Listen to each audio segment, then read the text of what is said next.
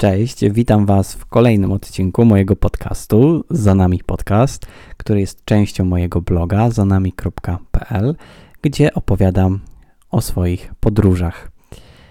W tym odcinku chciałbym Was zabrać ponownie do Chile.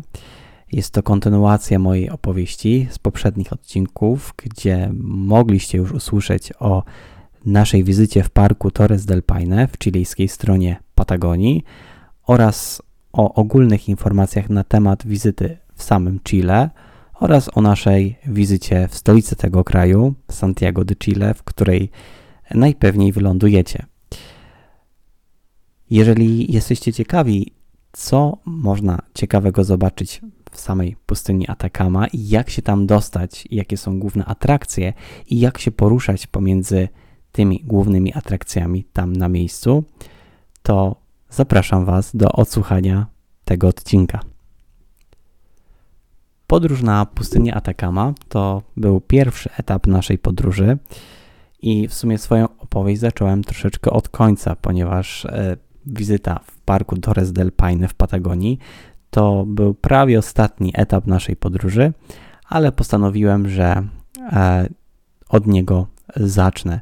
W tym przypadku, w tym odcinku opowiem o naszej podróży po pustyni Atacama i przekażę Wam kilka istotnych informacji, jak się tam dostać. Mam nadzieję, że e, już wkrótce podróże będą bardziej możliwe i otworzą się kraje, tak również i Chile dla turystów i będziecie mogli zaplanować swoją podróż do tego kraju, co bardzo polecam i sam bym tam jeszcze raz się wybrał i zobaczył więcej miejsc, których nie miałem okazji zobaczyć. Jeżeli ogólnie myślimy o Chile, to na pewno pojawią się główne punkty, popularne miejsca turystyczne, które najczęściej odwiedzają turyści. I e, pustynia Atacama wydaje mi się, że będzie na miejscu pierwszym, ponieważ jest najbardziej kojarzona z tym krajem. Na pewno będzie to park Torres del Paine, który znajduje się e, na południu tego kraju, w Patagonii. Santiago de Chile, które jest stolicą tego kraju i też jest warte odwiedzenia. Być może pojawi się jeszcze na liście Valparaiso, miasteczko na wybrzeżu e, nieopodal stolicy mm, oraz należąca do Chile, do państwa chilijskiego, Wyspa Wielkanocna. I to jest to miejsce, którego nie mieliśmy okazji e, odwiedzić, ze względu na to, że nasz czas podróży wynosił około dwóch tygodni samego pobytu w Chile i musieliśmy wybrać takie miejsca, które nas będą najbardziej interesować podczas tego pobytu i którym, które będziemy w stanie e, zwiedzić, e, odwiedzić podczas e, tego krótkiego czasu, bo uważam, że dwa tygodnie na te miejsca, które zobaczyliśmy, jest zdecydowanie za krótko. Wydaje mi się, że trzy tygodnie to jest optymalny czas, żeby zwiedzić te miejsca, szczególnie chilijską Patagonię, podróż przez Cartera Austral na południu Chile, Chile czy odwiedzenie zwiedzenie dokładniejsze jeszcze tej północnej części, gdzie znajduje się pustynia Atacama. Pustynia Atacama nie jest takim małym obszarem. On zajmuje spore, sporą część północnej e, części państwa chilijskiego i poruszanie się po tym miejscu e, z punktu A do punktu B, gdzie rozmieszczone są główne atrakcje, o których opowiem Wam później, to są spore odległości i poruszanie się, zwiedzanie, jak w przypadku e, miast, e, dużych miast, gdzie mamy komunikację miejską, no nie jest tak łatwy i, i, i wymaga pewnego wysiłku i pewnego zaangażowania w planach, żeby e, w te miejsca móc się dostać. I w tym odcinku właśnie chciałbym bo wrócić do tematu, ponieważ zagalopowałem się troszeczkę na temat samego Chile, o ogólne, ogólnych informacjach o Chile mówiłem już w poprzednim odcinku. I czym ciekaw co ciekawego jest w samym, w samym rejonie e, pustyni Atakama, dlaczego warto się tam wybrać. E, gdy usłyszymy o tym miejscu, to w pierwszej kolejności pojawi się pewnie informacja, że jest to miejsce, a raczej e, niektóre miejsca z całej pustyni Atakama, która jest rozległa, w niektórych jej miejscach deszcz nie pojawił się od ponad 400 lat więc jest to najbardziej suche miejsce na naszej kuli ziemskiej i widać to na pewno podczas pobytu i krajobrazy, które, które zobaczymy, e, te skaliste krajobrazy, e, piaskowe krajobrazy, tak jak to bywa na pustyni, są niezwykłe, szczególnie przy zachodzie lub wschodzie słońca. I to jest na pewno ta rzecz, która Wam utkwi w pamięci po wizycie na pustyni Atakama. E, zwana jest też to jako pustynia mglista i tak, i tak właśnie też e, to ją wyróżnia, gdy, gdy spoglądamy na jej krajobraz e, i dlatego też te nieliczne roślinności, które występują w tym miejscu właśnie czerpią wodę głównie z występującej tam mgły.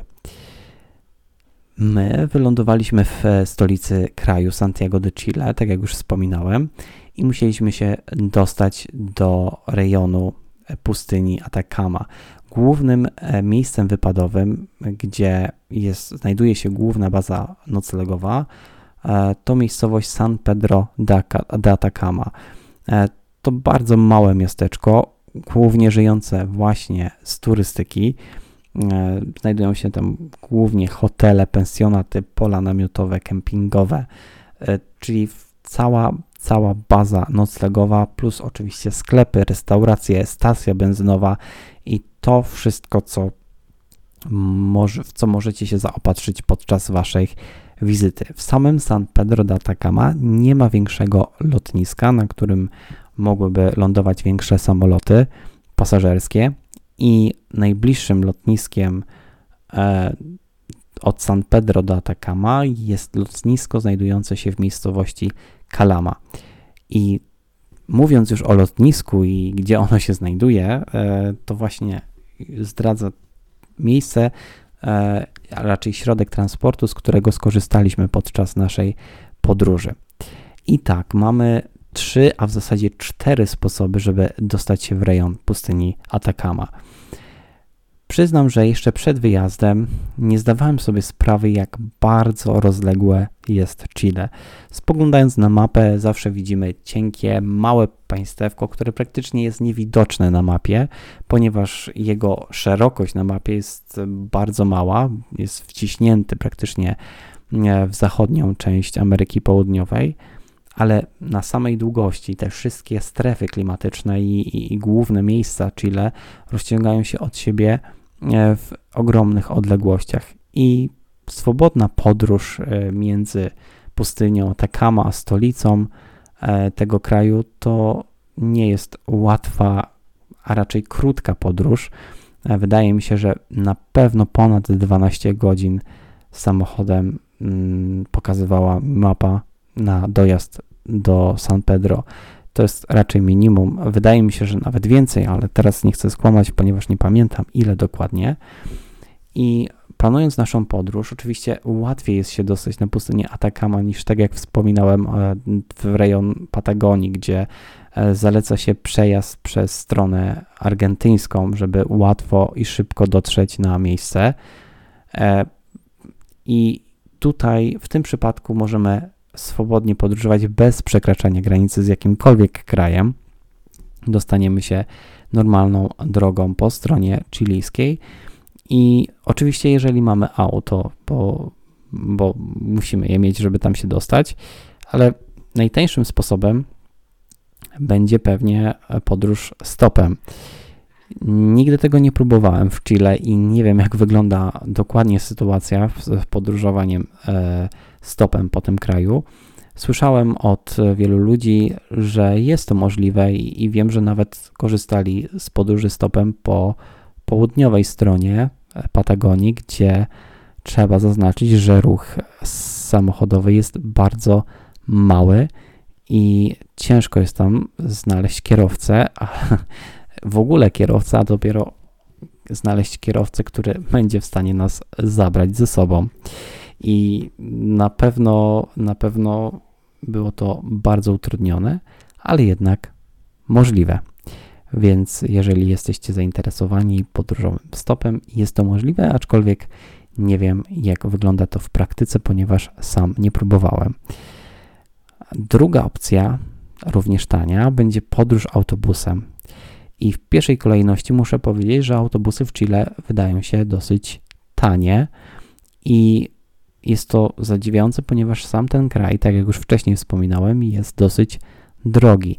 Nawet w porównaniu z cenami w naszym kraju, te ceny są e, takie same albo nieznacznie wyższe niż w Polsce.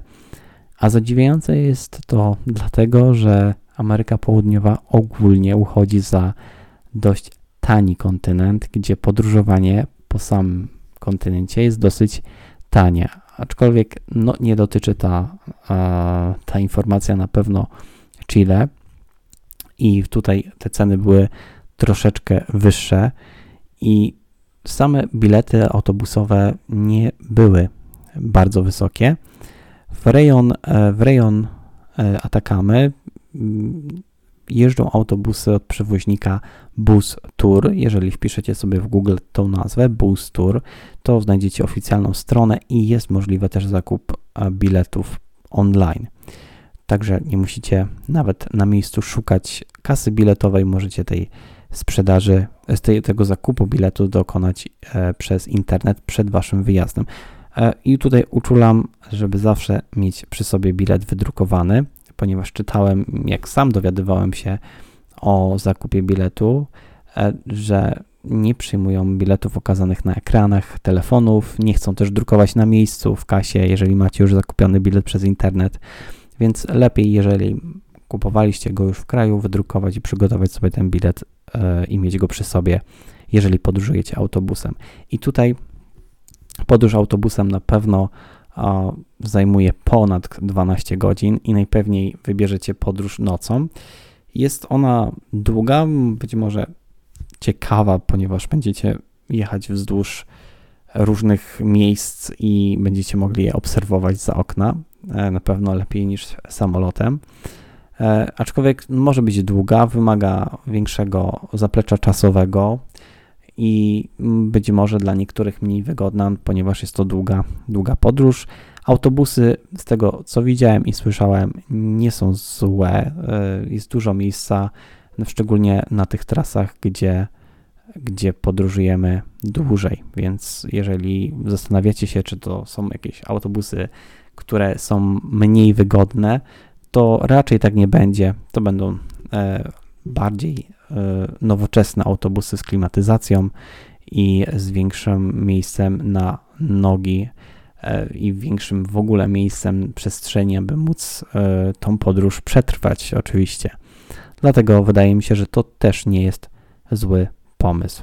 I kolejny, kolejna opcja to jest opcja, z, którą, z której skorzystaliśmy podczas naszej wyprawy, to podróż samolotem. Jest to oczywiście najłatwiejsza, najszybsza podróż, aczkolwiek e, nie jest dla mnie osobiście e, tak przyjemna, jak mogłoby się wydawać, ponieważ e, lubię tanie podróżowanie, a bilety lotnicze wiążą się często z wyższą kwotą i jeżeli jeszcze podróżujemy z bagażem, z dużym plecakiem, to wymaga w przypadku korzystania z tanich linii lotniczej, lotniczych, wymaga e, zakupu dodatkowego bagażu rejestrowanego, który jest dodatkowo płatny.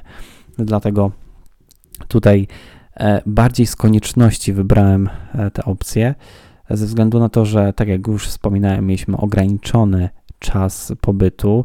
Mogliśmy być w Chile tylko dwa tygodnie, a chcieliśmy zobaczyć pustynię Atacama i e, patagoński park e, Torres del Paine, które też wymagały większego czasu i większej, więcej, większej ilości dni na pobyt. Dlatego też e, musieliśmy skorzystać z podróży samolotem. Na szczęście jak na warunki chilijskie, jeżeli słuchaliście poprzedniego odcinka, wspominałem o tym, że tanie linie w Ameryce Południowej nie są takie tanie, jak e, może się wydawać dla nas, Europejczyków, gdzie bilety często zaczynają się od 1 euro. E, tutaj w tym przypadku udało mi się zakupić dosyć tani bilet, ponieważ w dwie strony e, podróż do Kalamy, czyli Santiago Kalama i Kalama Santiago z bagażem rejestrowanym, który był dodatkowo płatny, e, udało się zakupić taki bilet w kwocie około 220 zł w dwie strony od osoby. Także jak na cenę z biletem e, z bagażem rejestrowanym, to nie było to zbyt, nie była to zbyt wysoka cena. Dlatego warto przed podróżą, jeżeli rozważacie różne opcje i rozważacie podróż samolotem, albo chcielibyście podróżować samolotem, a e, nie rezygnujecie z tego, bo jest za drogo, to warto jednak sprawdzić, czy nie są jakieś promocyjne E, bilety, e, być może cena nie będzie taka wysoka. I w naszym przypadku liniami JetSmart cena nie była mm, wysoka. Tym bardziej, że podróż do samej Kalamy Santiago była następnego dnia po naszym przylocie do, do Santiago, dlatego e, było to dla nas na pewno wygodne i przede wszystkim oszczędzało dużo czasu. Tak jak już wspomniałem, bilet lotniczy zakupiliśmy za około 220 zł od osoby w dwie strony, ale także wspomniałem o tym, że samolot ląduje w miejscowości Kalama.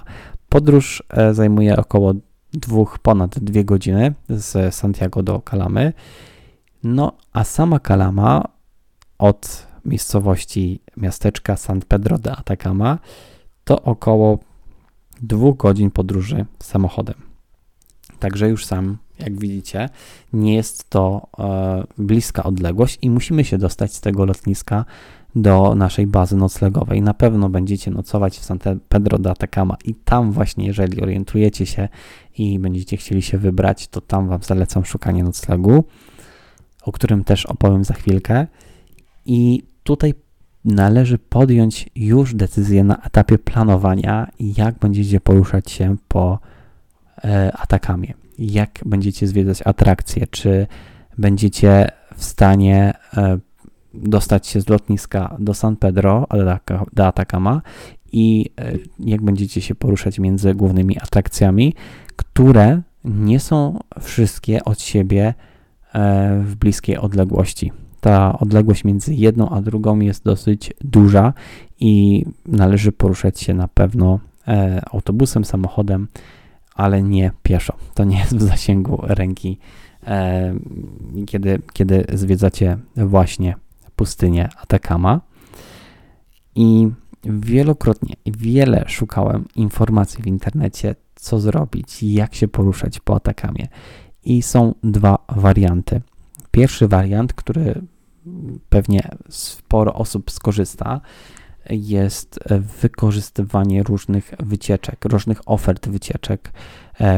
Są biura turystyczne, mm, różne agencje, które znajdują się już w samym miasteczku e, San Pedro, które oferują wyjazdy w miejsca, atrakcje, które chcielibyście odwiedzić. I macie pełen tak zwany pełen pakiet, ponieważ on nie jest pełen i też trzeba e, zwrócić uwagę na to, kiedy, kiedy będziecie decydować się na zakup takiej wycieczki. Przed, e, najlepiej można oczywiście, e, tak jak szukałem w internecie, znaleźć już firmę czy agencję, która oferuje sprzedaż biletów online i sobie taką wycieczkę wykupić, ale jeżeli zdecydujecie się na ten wariant podróży, to warto e, to zrobić po przyjeździe do San Pedro e, i przejście ulicą i poobserwować, poodwiedzać różne agencje, które oferują e, takie wycieczki w te miejsca, zarezerwować, opłacić taki wyjazd. Ceny się różnią od siebie w zależności od agencji, są niższe i wyższe. Dlatego warto też zorientować się w internecie, poczytać opinie Często na różnych forach, szczególnie na TripAdvisor, osoby, które już odwiedziły, już skorzystały z danej agencji, na pewno napiszą opinię i można sugerować się tym przy wyborze, ponieważ są e, oczywiście różne firmy i oferują różną jakość. Ale warto wiedzieć, że skorzystając z zwiedzania z usług agencji turystycznej, należy pamiętać, że praktycznie każda e, cena, którą oni oferują danej wycieczki, nie wiem, czy bardzo o tym informują, czy nie, a szczególnie kiedy nie znamy e, języka hiszpańskiego, może to być dla nas problem. To cena głównie za przejazd w tom i z powrotem. E, w tej cenie znajduje się niekiedy e, oprzewodnik i jego usługa oprowadzania po danym miejscu, czy dowóz, czy przekazanie informacji, bo z tego co wiem, to oni chyba nie oprowadzają. E, i czasami drobny poczęstunek, jeżeli jest wyjazd wcześniej rano i jest to duża odległość i tam będziecie przebywać też długo, to oferuje firma czasami drobny poczęstunek, naprawdę drobny. I co? Z tego, co mówię, nie ma najważniejszego, czyli ceny wstępu. I tutaj y, należy zaznaczyć, że ceny do różnych atrakcji, których też opowiem za chwilę, są dosyć wysokie w zależności od miejsca, które będziecie odwiedzać. Czy to będzie jakaś laguna, czy to będzie dolina. Y, jedna z wielu atrakcji może praktycznie wszędzie zawiera cenę wstępu. Musimy uiścić taką tak, tak cenę za bilet e, przy wejściu do mm, danej atrakcji turystycznej. I agencje turystyczne, które oferują wycieczki w te miejsca, informują Was o cenie, o pełnym pakiecie, ale tak naprawdę nie zawierają właśnie ceny wstępu. Dlatego e, trzeba się o to dopytać i no, trzeba być przygotowanym na to, że te ceny, które oni podają, to będzie zazwyczaj tylko przejazd w tom i z powrotem, czasami przewodnik, a czasami również jakiś drobny poczęstunek. I z tego, co ja się orientowałem, e, przeglądając fora internetowe przed wyjazdem, to ceny za te wycieczki nie są niskie. I wiadomo, to jest jeden z najpopularniejszych atrakcji turystycznych e, w samym Chile, więc zjeżdża się tam naprawdę sporo turystów z całego świata. W naszym przypadku byliśmy tam w lecie, e, czyli przełom stycznia, lutego. Nie było sporo ludzi, aczkolwiek byli ludzie oczywiście, bo było ich widać e, na, na miejscu, ale nie, nie było to e, sporo osób. Dlatego próbowaliśmy znaleźć jakiś sposób na, na nasz wyjazd, żeby już wybierając lot samolotem, żeby, żeby mimo wszystko ten wyjazd nie był e, wysoki, wysokokosztowy, jakby można było tak o tym powiedzieć. Dlatego staraliśmy się znaleźć jakiś sposób, e, wariant, który jakby przygotuje nam wyjazd e, na niższym, niż, niskokosztowo oczywiście.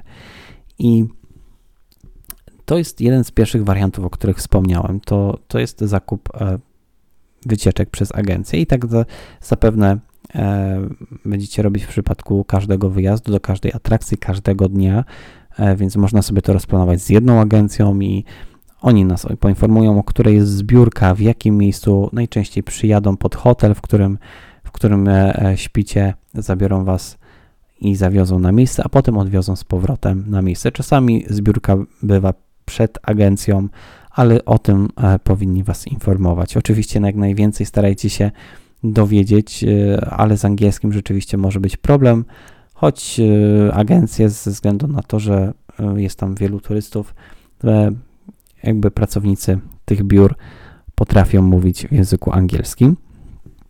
Wtedy, jeżeli zdecydujecie się na wykup e, takich wycieczek, mo, możecie dostać się z lotniska do samego San Pedro za pomocą transferów oferowanych. Oczywiście na lotnisku będzie sporo osób, którzy będą oferować taki transfer. Będą też biura na lotnisku, które jakby zaoferują Wam przejazd e, na miejsce, ale możecie też skorzystać e, z internetowego, e, z internetowego rezerwacji miejsc. Wydaje mi się, że to się nazywało VIP Car, nie pamiętam dokładnie tego przewoźnika, ale jak wpiszecie sobie transfer Kalama, lotnisko, a San Pedro de Atacama, to na pewno wyświetli się Wam ta firma i tam też mm, e, można było sobie zarezerwować taki przejazd z góry i opłacić przez internet. Także jeżeli chcecie e, szybko się dostać z lotniska e, i nie przechodzić przez wielu naciągaczy i mm, szukać biur na lotnisku, które oferują ten transfer, to możecie skorzystać z takiego transferu na, na, na, na, na, na miejsce noclegowe zaraz E, rezerwując to przez internet. I to niestety generuje koszty. Dlatego, e, jeżeli sobie spróbujemy podliczyć, to przejazd lot, z lotniska na miejsce e, San Pedro, oczywiście, jeżeli podróżujemy samolotem, i potem wykup każdej wycieczki, opłacanie każdej wycieczki, potem bilety wstępu, które tak jak wspomniałem, nisko nie kosztują, e, to wychodzi w wyniku spory koszt. Dlatego my zdecydowaliśmy się pójść troszeczkę inną drogą i to, to jest sposób, który może być zarazem drogi i tani, w zależności jak sobie to ustalicie i w ile osób podróżujecie. My po prostu postanowiliśmy wynająć samochód.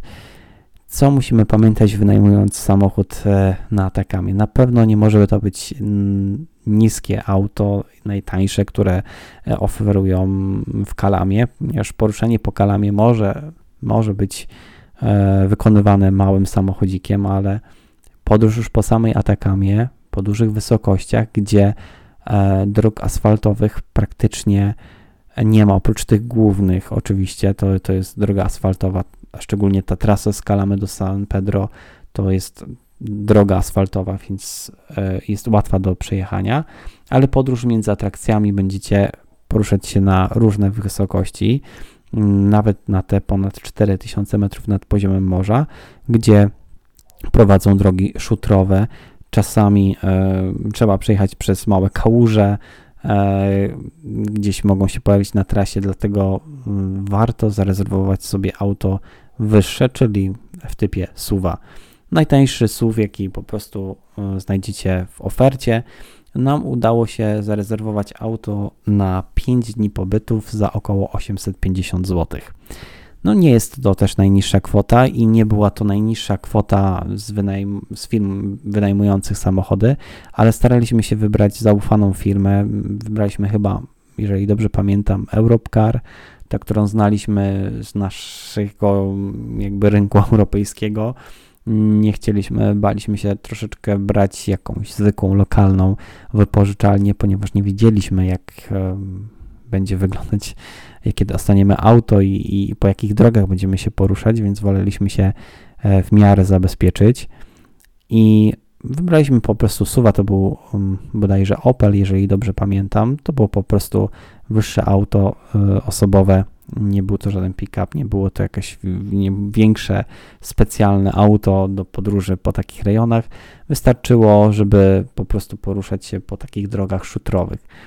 I to y, to był koszt, który ponieśliśmy na cały pobyt. I z tego, co sobie podliczyłem, on był i tak niższy niż e, ceny do wszystkich tych atrakcji, które, które e, chcieliśmy zobaczyć. Więc jest to na pewno e, dobra opcja i ciekawa, jeżeli podróżujecie więcej osób, ponieważ ten koszt już dzielicie między siebie. Jeżeli, traktuje, jeżeli kupujecie wycieczki z agencji turystycznych, to płacicie zawsze za osobę. Tutaj możecie ten koszt podzielić między e, siebie. Druga opcja, jeżeli podróżujecie w pojedynkę lub dwie osoby, możecie e, zaoferować e, swój transport innym osobom. Na przykład na forum Couchsurfingu możecie się ogłosić, że w tych i tych dniach będziecie w rejonie Atacama i macie auto do dyspozycji, macie trzy wolne miejsca na przykład i zaoferujecie za dołożenie się e, do paliwa i do, do, do wynajęcia, do kosztu wynajęcia auta e, osób, osoby, które chętnych będą do takiej podróży, zgłoszą się i zyskujecie tym samym towarzysza podróży. Także no, jest to do, jakiś tam dodatkowy wariant, ale pomoże w zaoszczędzeniu kosztów na pewno. Dlatego jest to jakaś dodatkowa opcja, jeżeli chcecie maksymalnie obniżyć koszta, które są zbyteczne. Paliwo, cena nieznacznie większa niż w Polsce, e, więc tankowanie oczywiście też dochodzi do tego całego kosztu. E, jeżeli sobie podliczymy wynajęcie auta, musimy mieć jeszcze koszt paliwa, no i e, ceny wstępów oczywiście. Dlatego trzeba sobie to jakoś przekalkulować i zorientować się też wcześniej, co wybrać. Na pewno auto jest też wygodniejsze, jeżeli podróżujecie w dane atrakcje możecie sami dostosować sobie porę wyjazdu i pobytu w danym miejscu. I jest to duża zaleta, jeżeli chcecie ominąć tłumy.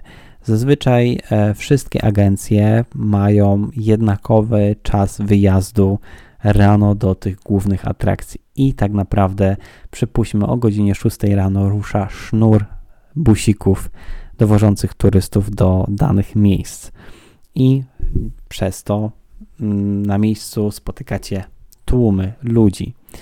Jeżeli wybierzecie się autem i wyjedziecie godzinę później lub godzinę wcześniej, to będziecie praktycznie sami w danych miejscach. Dlatego to jest też warte rozważenia, że jesteście elastyczni, możecie sami decydować, o której godzinie wyjeżdżacie, ile czasu przeznaczacie na taką podróż. Dlatego to jest też bardzo fajna opcja. No ale E, jesteśmy już w San Pedro de Atacama, dojechaliśmy tam własnym samochodem lub za pomocą e, przewoźnika, który oferował transfer. No i musimy znaleźć nocleg. Same ceny noclegu, oczywiście jest ich sporo. Możecie to zrobić przez Booking.com, możecie to zrobić przez Hostelworld i przez wiele innych systemów rezerwacyjnych znanych na całym świecie. Jest to oczywiście łatwo dostępne, ponieważ jest to główne centrum turystyczne w tym rejonie i jest tam sporo miejsc noclegowych. Zastanawialiśmy się wcześniej, czy nie e, skorzystać z namiotu, który posiadaliśmy już ze sobą, ponieważ wybieraliśmy się pod namiot do parku Torres del Paine w Patagonii, więc mieliśmy ze sobą namiot i orientowaliśmy się o różnych polach namiotowych. Były dostępne, E, za niewielką cenę, więc jest to też możliwe do, do, do, do wykorzystania jako nocleg, więc jeżeli posiadacie ze sobą namiot, możecie skorzystać z takich pól namiotowych. Znajdziecie informacje oczywiście w internecie, jeżeli wpiszecie camping e, San Pedro de Atacama, wyświetlą się Wam dostępne nawet na Google Maps e, miejsca noclegowe. Drugie to są hostele, pensjonaty, które tam są też dostępne na miejscu z przystępną cenę, aczkolwiek mówię przystępną, ponieważ ceny tam są troszkę wyższe niż w innych miejscach, ponieważ jest to główne miejsce turystyczne. My znaleźliśmy taki nocleg dosyć, e, był akurat chyba w promocyjnej cenie, gdzie mieliśmy e, pokój w takich kopułach. To, to był tylko pokój bez łazienki. Łazienka była wspólna, więc tam był kemping połączony z takimi jakby domkami E, które, które, w których akurat znaleźliśmy fajną cenę i tam zdecydowaliśmy się przenocować. Standard taki standardowym powiedział na tego miejsca, ale oczywiście tym się nie przejmujemy, bo ponieważ nie, nie po luksusy jechaliśmy do Atakamy, tylko żeby móc zobaczyć jak najwięcej. Jak już mieliśmy auto, to łatwo nam było się poruszać e, i, i dostać się tam na miejsce, bo właśnie z auta, tak jak już wspomniałem, skorzystaliśmy.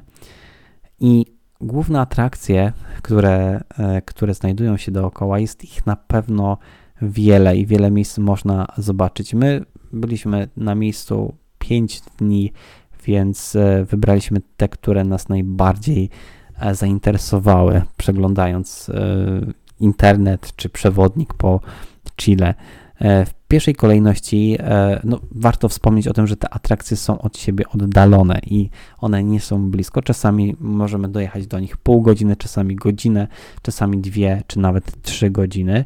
Dlatego też e, warto wziąć to pod uwagę. Warto wziąć też pod uwagę tankowanie, jeżeli podróżujecie autem wypożyczonym. Zawsze ruszajcie z San Pedro z pełnym bakiem, ponieważ na trasie nie spotkacie żadnej stacji benzynowej. Jedyna stacja benzynowa znajduje się w San Pedro, a odległości też nie są małe, dlatego starajcie się mieć zawsze zatankowany samochód, żeby Was to nie zaskoczyło gdzieś na trasie. Jedyna stacja benzynowa właśnie dostępna jest w San Pedro, a następna bodajże w Kalamie e, dopiero. Także e, to też e, warto wspomnieć, jeżeli, jeżeli wspominam już o podróżowaniu z wynajętym samochodem. A co w samej Atakamie? Właśnie, najbliżej samego San Pedro de Atacama znajdują się dwie główne atrakcje, które na pewno warto odwiedzić. I tam nawet na siłę nie potrzebujecie się dostać e, z wycieczką czy z transportem. Widziałem, że dużo osób wypożyczało rowery i e, poruszali się w te miejsca własnym rowerem, aczkolwiek przy tej temperaturze i e, palącym słońcu, jeżeli jesteście w środku sezonu, no to naprawdę do rozważenia, ale jeżeli lubicie i, i, chcecie, możecie wypożyczyć rower i skorzystać e, z tej możliwości, żeby dojechać do dwóch takich głównych atrakcji, które są w bezpośrednim sąsiedztwie San Pedro. To jest e, Dolina Księżycowa i Dolina Śmierci, czyli e, Valle de la Luna i Valle de la Muerte. I to są dwa miejsca, które są w bliskiej odległości San Pedro de Atacama. E, Dolina Śmierci znajduje się praktycznie zaraz za wyjazdem z San Pedro, praktycznie zaraz za nim znajduje się e, wjazd do Doliny Śmierci. Oczywiście tam także praktycznie w każdym miejscu musimy płacić za wstęp i zakupić bilet wstępu. Aczkolwiek do tych dwóch miejsc te bilety nie były drogie. Kosztowały chyba 10 zł od osoby, jeżeli dobrze pamiętam. Nie chcę skłamać oczywiście w internecie Zobaczycie tam, wydaje mi się, że było chyba 20, czyli do 20 zł na pewno maksymalnie płaciliśmy, aczkolwiek mogę się też mylić, bo nie, nie pamiętam, ale wiem, że mm, cena na pewno była 6000 chilijskich pesos, tylko nie pamiętam, czy to chyba było już za dwie osoby, także około 30 zł na pewno za dwie osoby płaciliśmy za wstęp do Doliny Księżycowej i tyle chyba samo dla Doliny y, Śmierci. Także ceny akurat do samego do samych tych dwóch miejsc, one nie są e, wysokie. I Dolina Śmieci to właśnie głównie zwiedzanie przez spacer, przez, przez pewne e, takie zgrupowania skalne e, i, i usuwiska z piasku, gdzie ludzie zjeżdżają na, surfują i zjeżdżają na desce. Także tam możemy też z takiej, z takiej możliwości skorzystać, jeżeli lubimy i mamy ochotę, ale przy wjeździe oczywiście dostaniemy mapę, dostaniemy informacje, aczkolwiek głównie po hiszpańsku, raczej nie liczyłbym tam na rozmowę z rangerem w języku angielskim. I tam oczywiście dostaniemy pewne informacje, mapy i wyznaczonym szlakiem musimy wjechać samochodem, także y, jeżeli podróżujemy oczywiście własnym samochodem, jeżeli jest wycieczką, to pewnie e, tam nas dowiozą już na miejsce i potem zaczyna się już spacer e, na tak, taki taras widokowy, gdzie będziecie widzieć całą Dolinę Księżycową. Najlepiej wieczorem, kiedy jest zachód słońca, to, to jest naprawdę nieziemski widok. Tak samo Dolina Księżycowa to tak samo spacer wśród wydm e, i różnych e, osuwisk skalnych. Też, też e, dostaniemy mapę i e, kupując bilet do Doliny Księżycowej dostaniemy bilet do przepustkę do specjalnego tarasu widokowego, który otwierany jest na zachód słońca i tam potem możemy dojechać autem, jeżeli mamy e, lub z wycieczką i zobaczymy piękny zachód słońca nad całą, nad całą Doliną Księżycową. Naprawdę warte zobaczenia, więc polecam te dwa miejsca na 100%. Następne ze znanych atrakcji dookoła to są miejsca, które, e, które są już oddalone od e, San Pedro. Musimy tam po prostu dojechać z wycieczką lub, e, lub z własnym samochodem. To są Laguna Sechar, która która jest mm, jedną z pierwszych, które właśnie mm, tam odwiedziliśmy. E, jest to miejsce, gdzie e, bilet wstępu chyba był najdroższy i wynosił 144 zł, o ile dobrze pamiętam. i tam nawet ta cena różniła się między w jakich godzinach wchodziliśmy, czy to była chyba przedpołudniowa, popołudniowa były rozdzielone godziny wstępu i tam były różne ceny. Dlatego też, jeżeli macie możliwość, wy chcecie wybrać do Laguny Sechar, e, to warto zorientować się o cenie, ale około 144 zł płaciliśmy za wstęp do, za, za dwie osoby oczywiście, za wstęp do e, tego miejsca. Laguna Sahara wyróżnia właśnie to, że mamy możliwość wykąpania się z jednej z tych lagun, ponieważ jest to na całym tym solnisku e, znajdujących się w okolicach San Pedro w, na pustyni Atacama. E, i mamy możliwość wykąpania się w miejscu, gdzie jest duża wyporność, także znana też z Morza Martwego e, i, i możemy po prostu spróbować tego, e, jak to wygląda i pokąpać się chwilę oczywiście, jest taka możliwość. Oczywiście zwiedzanie trzech lagun, tam były trzy do zwiedzania, w tym jedna, w której mogliśmy się wykąpać i właśnie tą jedną wyróżnia to, że, że kąpiąc się ona nas będzie unosić na, na wodzie, nie będziemy się mogli zanurzyć. To jest po prostu tak e, osolona woda, jeżeli tak można powiedzieć. No i e, oczywiście wychodząc z tego będziemy mieli całą sól na sobie, z którą będziemy mogli praktycznie ze siebie zeskrobać. E, jednym z miejsc, którym też mi się bardzo podobały, to, to były laguny Miscantim i Nikes. Mówi się o nich Miscanti i Minikas, ponieważ to są dwie laguny w jednym miejscu. Laguna Miscanti i Minikas e, to są, tak jak wspomniałem, dwie laguny i e, tam mm, bilety nie były już takie drogie, ale warte zobaczenia i warto też pamiętać, że znajdują się na wysokości ponad 4000 metrów nad poziomem morza. E, no i jest to na pewno wysokość, która może być odczuwalna jest to idealny wstęp do e, następnej atrakcji, ponieważ jakby zobaczymy te laguny, wrócimy z powrotem do San Pedro, które znajduje się na około 2000 e, metrów nad poziomem morza, na takiej wysokości i e, następnego dnia lub możemy się wybrać do kolejnej atrakcji, to są gejzery, e, które też warto zobaczyć, ale tam e, należy pojawić się jeszcze przed wschodem słońca. Czyli, żebyśmy byli tam na miejscu i mogli zobaczyć te gejzery jeszcze przed wschodem słońca, musimy wyjechać około czwartej godziny nad ranem. I one znajdują się tak samo e, powyżej 4000 metrów nad poziomem morza. Dlatego też e, trzeba o tym pamiętać i dobrze zrobić sobie taki trening, jadąc już wcześniej na podobną wysokość, wrócić z powrotem do San Pedro i e, ponownie ruszyć na podobną wysokość na gejzery.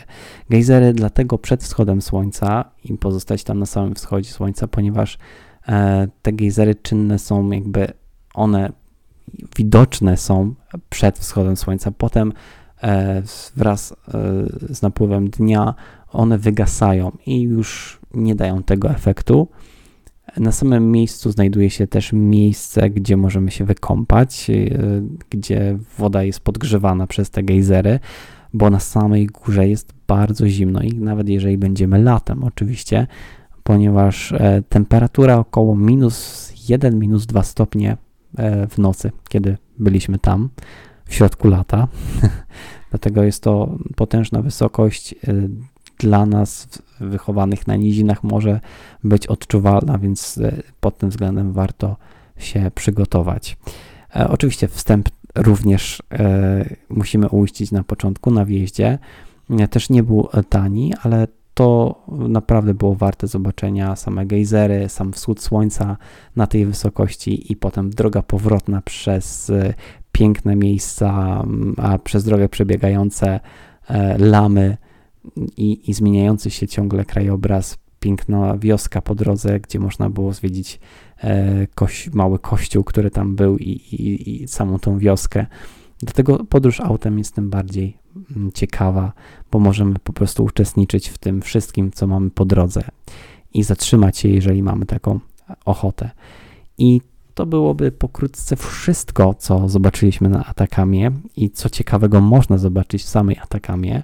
E, jeżeli chodzi o atrakcje, to podsumowując, mogę powiedzieć, że na pewno warto zobaczyć lagunę księżycową i e, lagunę, lagunę, nie lagunę, tylko Dolinę Księżycową i Dolinę Śmierci, a lagunę Sechar, Miscanti i Minikes oraz e, gejzery El Tatio, które też znajdują się na wysokości około 4000 metrów nad poziomem morza. A wybrać się tam będzie na pewno łatwiej, kiedy wynajmiecie własne auto. Jeżeli jeszcze będziecie mieli okazję podzielić ten koszt z innymi, na pewno to wyjdzie taniej.